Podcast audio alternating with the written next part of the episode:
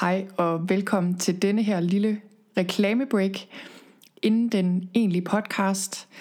Jeg vil simpelthen bare lige fortælle, at tilmeldingen er åben for mit online forløb for stressramte. Det hedder Vejen Hjem, og du kan tjekke det ud på min hjemmeside på sølvstein.dk-stressbehandling.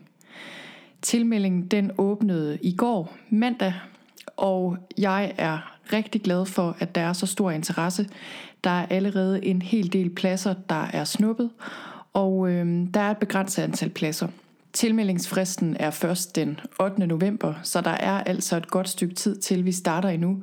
Men hvis du tror, det kunne være noget for dig, så hop over på min hjemmeside og tjek det ud.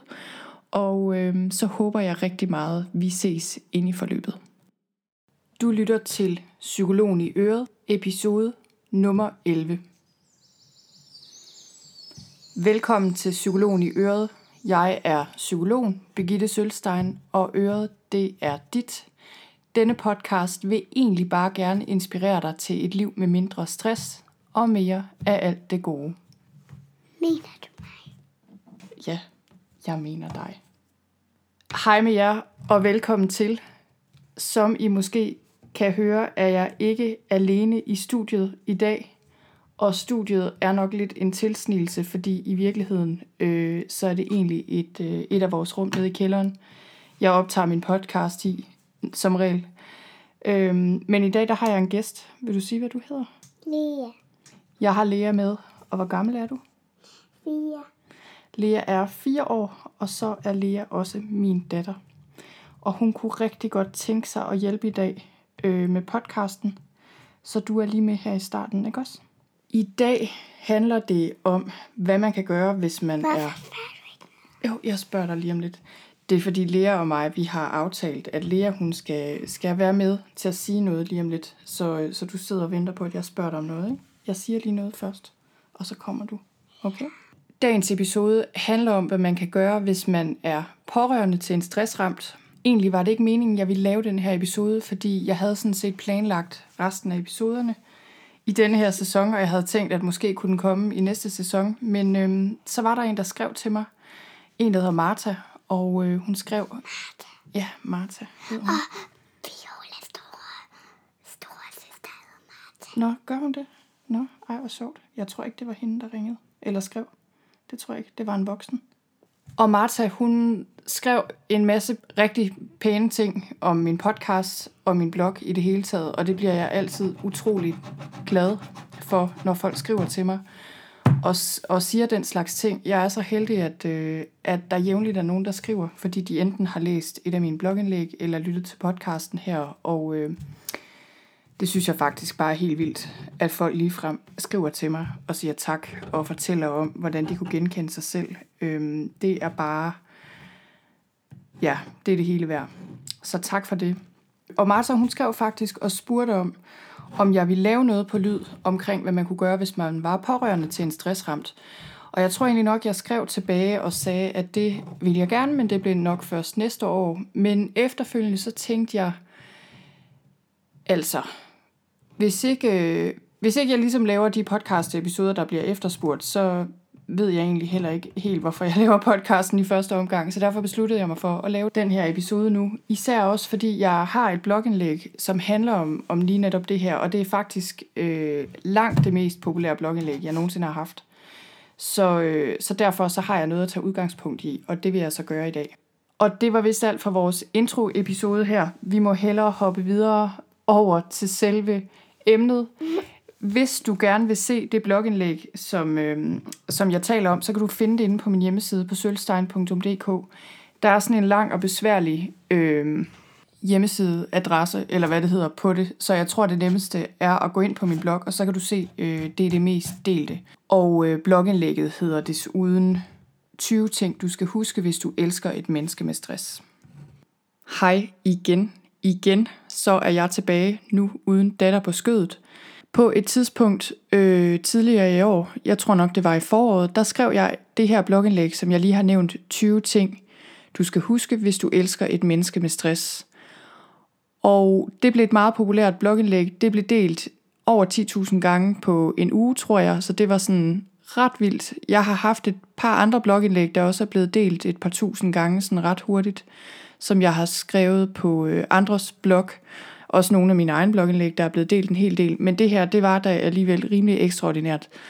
Og øh, det giver jo egentlig god mening, fordi man kan sige, stress er et kæmpe problem, og man regner med, at 400.000 danskere har symptomer på alvorlig stress hver dag, og øh, så kan man jo godt regne ud, hvor mange pårørende der så er til de her mennesker. Altså der findes jo nærmest ikke et menneske i Danmark, tror jeg, som ikke er pårørende til en stressramt, eller kollega med en, eller på en eller anden måde kender en anden, som er ramt af stress.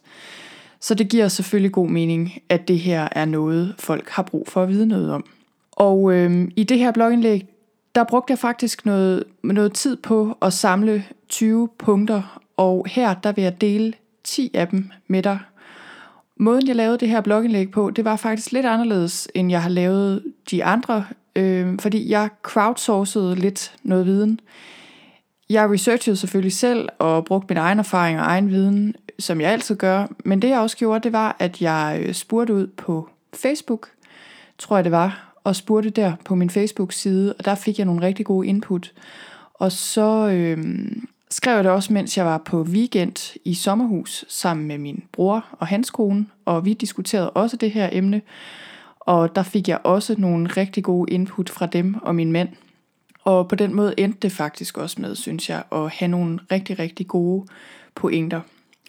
Og øh, her vil jeg simpelthen tage de 10 første, og så må man altså hoppe ind på min hjemmeside og finde resten, hvis man har lyst til det. Det første vigtige punkt er, at man kan ikke tage sig sammen, hvis man er ramt af stress. Og det er rigtig vigtigt at vide som pårørende, fordi det kan virke mærkeligt, at en man kender, som måske normalt har kunne overskue alle mulige ting, både arbejdsmæssige og private ting og sager, pludselig ikke kan tage stilling til noget som helst, øh, og pludselig bare ikke er særlig handlekraftig.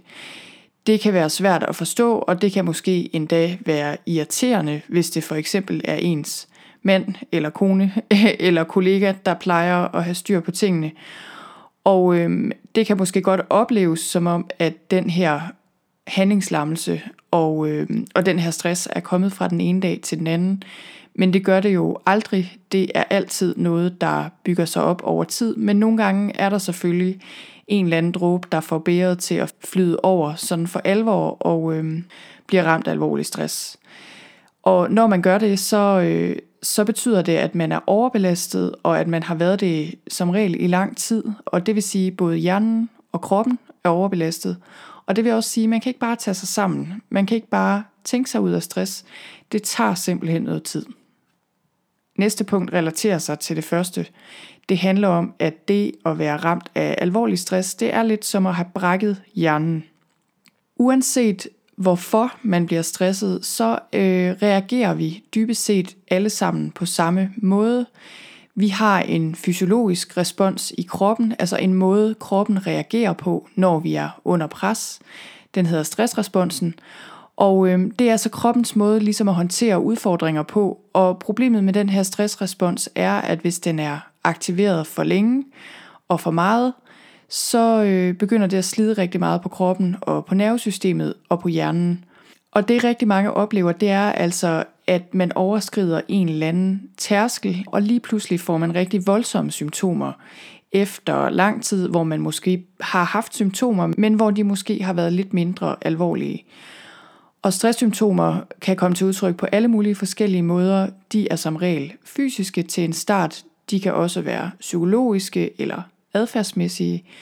Og især er de også, især i længden, kognitive. Altså det vil sige, at man får problemer med at huske og koncentrere sig osv. Så på den måde, så kan man sige, at når kroppen er presset længe nok, så går den i sådan en slags undtagelsestilstand, og det betyder altså, at den sparer på ressourcerne der, hvor den kan. Det vil blandt andet sige, at den henter lidt energi hjem og lukker lidt ned for dele af hjernen, som ellers står for det her med overblik og planlægning og hukommelse osv. Så på den måde kan man godt sige, at det at være ramt af stress er lidt som at have brækket hjernen. Næste punkt er, at et menneske med stress har brug for støtte, men ikke nødvendigvis en masse ord. Er man ramt af stress, så har man selvfølgelig brug for al den opmundring og støtte, man overhovedet kan få. Men fordi stress langt hen ad vejen handler om, at hjernen er overbelastet, så er det ikke sikkert, man har brug for at forklare sig, eller have helt vildt lange samtaler om alt muligt, eller analysere super meget på situationen. I hvert fald ikke, så længe man er meget hårdt ramt af stress. Det er rigtig godt at bakke op, og noget af det, man kan gøre, det er jo at gøre ting sammen med den, man kender, som er ramt af stress.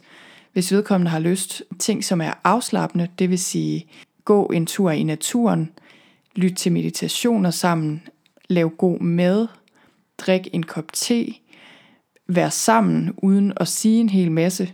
Det kan også være, at du har lyst til at gøre vedkommende praktiske tjenester, så ting i dagligdagen bliver lidt nemmere. Der er rigtig meget, man kan gøre, og øh, det er værd at overveje, hvad du kan gøre, som, som kan støtte op om, at vedkommende kan få den ro og den hvile, som, øh, som man har brug for. Så er der et punkt, der hedder pas på dig selv, stress smitter. Det kan være en rigtig stor hjælp for et menneske, der er ramt af stress, at kunne trække på dig for at få tingene til at hænge sammen. Og det er rigtig vigtigt, som jeg lige har sagt, at støtte op der, hvor man kan, og gøre det, man nu kan. Når det så er sagt, så er det også rigtig vigtigt at huske, at hvis du for eksempel er kollega eller ægtefælle til en stressramt, så skal du også huske at passe på dig selv, så du ikke selv bliver overbelastet. Det sker rigtig tit, at stress ligesom eksisterer i miljøer, altså det vil sige på en arbejdsplads, hvor arbejdsmiljøet er belastet, eller der er mangelfuld ledelse, eller et eller andet. Og det, der så rigtig tit sker, det er, hvis en medarbejder går ned, så vil du som kollega helt naturligt gå ind og tage over for at bære den arbejdsbyrde, der nu engang er, fordi man, mange af os er pligtopfyldende, og fordi det ligesom er det naturlige at gøre. Problemet er selvfølgelig, at man risikerer selv at blive overbelastet, og derfor er det altså rigtig, rigtig vigtigt at være ops på, at man også skal passe på sig selv, når man er pårørende til en stressramt, eller kollega med en stressramt. Næste punkt handler om, at det er vigtigt at give håb og opmundring. Hvis man er ramt af stress, så kan det være rigtig svært at se realistisk på situationen. Man har som regel masser af selvbebrejdelser, som regel rigtig dårlig samvittighed over for kolleger, måske over for familien også.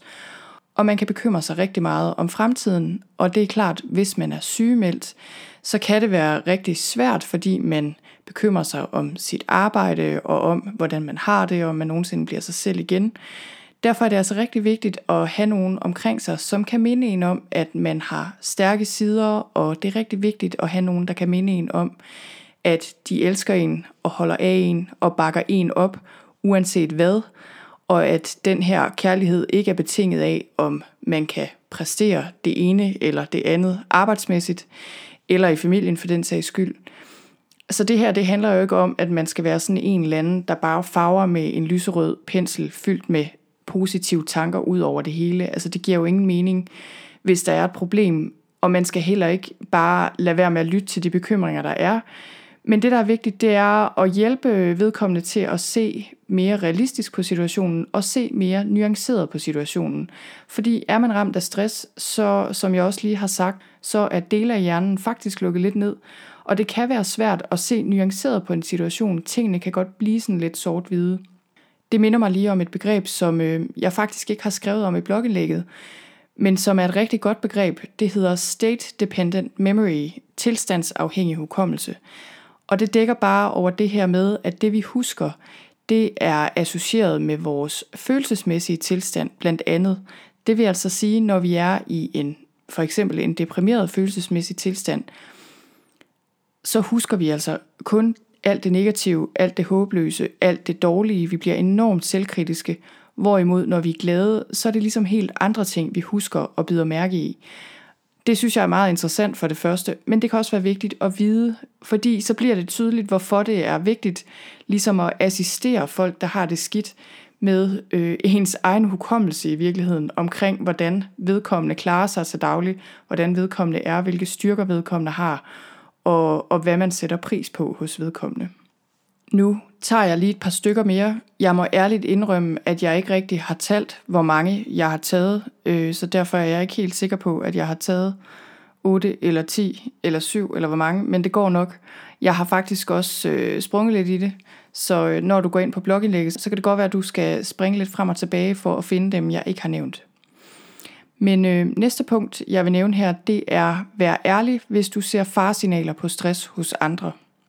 Det er sådan, at vi som regel er de sidste til selv at opdage, at vi er ramt af stress. Det er der rigtig mange gode grunde til. Men derfor er det også ofte folk omkring os, der først opdager, at vi er ved at bevæge os ud over den her kritiske stresstærskel. Når man først er ramt af stress, så er det altså sådan en ond cirkel, hvor det kan være rigtig svært selv at se, hvor man er på vej hen. Og derfor er det en kæmpe hjælp, hvis mennesker omkring os er direkte og ærlige, selvfølgelig kærlige og omsorgsfulde, men stadig ærlige og udtrykker den bekymring, der er. Det kan godt være, at du bliver fejret af i første omgang, men det vil helt sikkert alligevel hjælpe vedkommende i processen med at erkende, at stress er et problem. Hvis du er meget tæt på en anden og kan se, at vedkommende er ramt af alvorlig stress eller ved at blive det, men at vedkommende ikke vil erkende det, så øh, kan det være nødvendigt måske at sætte foden ned og ligesom forlange, at vedkommende stopper op. Nu tænker jeg mest på, hvis det for eksempel er din mand eller kone eller kæreste eller noget i den stil. Det er jo ikke fordi, vi skal kontrollere eller bestemme over, hvad andre mennesker skal med deres liv, men, øh, men jeg vil alligevel mene, at det kan godt betale sig en gang for alle at tale med store bogstaver og ligesom sige, prøv at høre, den er helt gal. Vi bliver simpelthen nødt til at finde ud af, hvad vi kan gøre, fordi ellers så øh, bliver det her simpelthen for stor en belastning. Måske for vores ægteskab, eller for vores børn, eller for dig selv selvfølgelig, eller hvem det nu går ud over. Når det så er sagt, så øh, vil jeg slutte af her med det sidste punkt for nu, og det hedder, du skal ikke fikse den stressramte. Vi skal generelt ikke fikse øh, hverken os selv eller hinanden, og du skal heller ikke fikse den stressramte, hvis du kender en. Især hvis du har tendens til at være meget overansvarlig, så vær opmærksom på, at du ikke falder i den her fælde med ligesom at ville løse andre menneskers problemer frem for din egen måske. Det vil sige, at man kan godt kommunikere, at der er et problem en gang for alle, uden at gå over og tage kontrollen. Jeg tror, når mange af os kommer til ligesom at gå over på andre menneskers banehalvdel, og her, her tænker jeg selvfølgelig på andre voksne, det er klart, hvis det er børn, så er det noget andet, der har vi et andet ansvar. Men jeg tror, når mange af os kommer til ligesom at tage overansvar i forhold til andre, så er det selvfølgelig, fordi det er rigtig svært at være vidne til, at en vi holder af, kæmper og måske er ved at ødelægge tingene for sig selv og har det dårligt. Det er bare sådan, at vi kan ikke rigtig tage de her vigtige livserfaringer fra hinanden. Der er rigtig mange ting her i livet, vi bliver nødt til at lære os selv. Og det at blive ramt af alvorlig stress kan være en kæmpe stor og svær lektion at få her i livet. Men for rigtig mange mennesker, så er det der, de skal ud, før de kan vende om, og sådan for alvor tage livet i en anden retning, som er mere bæredygtig, kan man sige. Så Martha og alle I andre derude, jeg håber, I kunne bruge det her til noget. Hvis du er nysgerrig, så hop ind og se resten af blogindlægget, og ellers så høres vi ved i den kommende uge. Hej hej.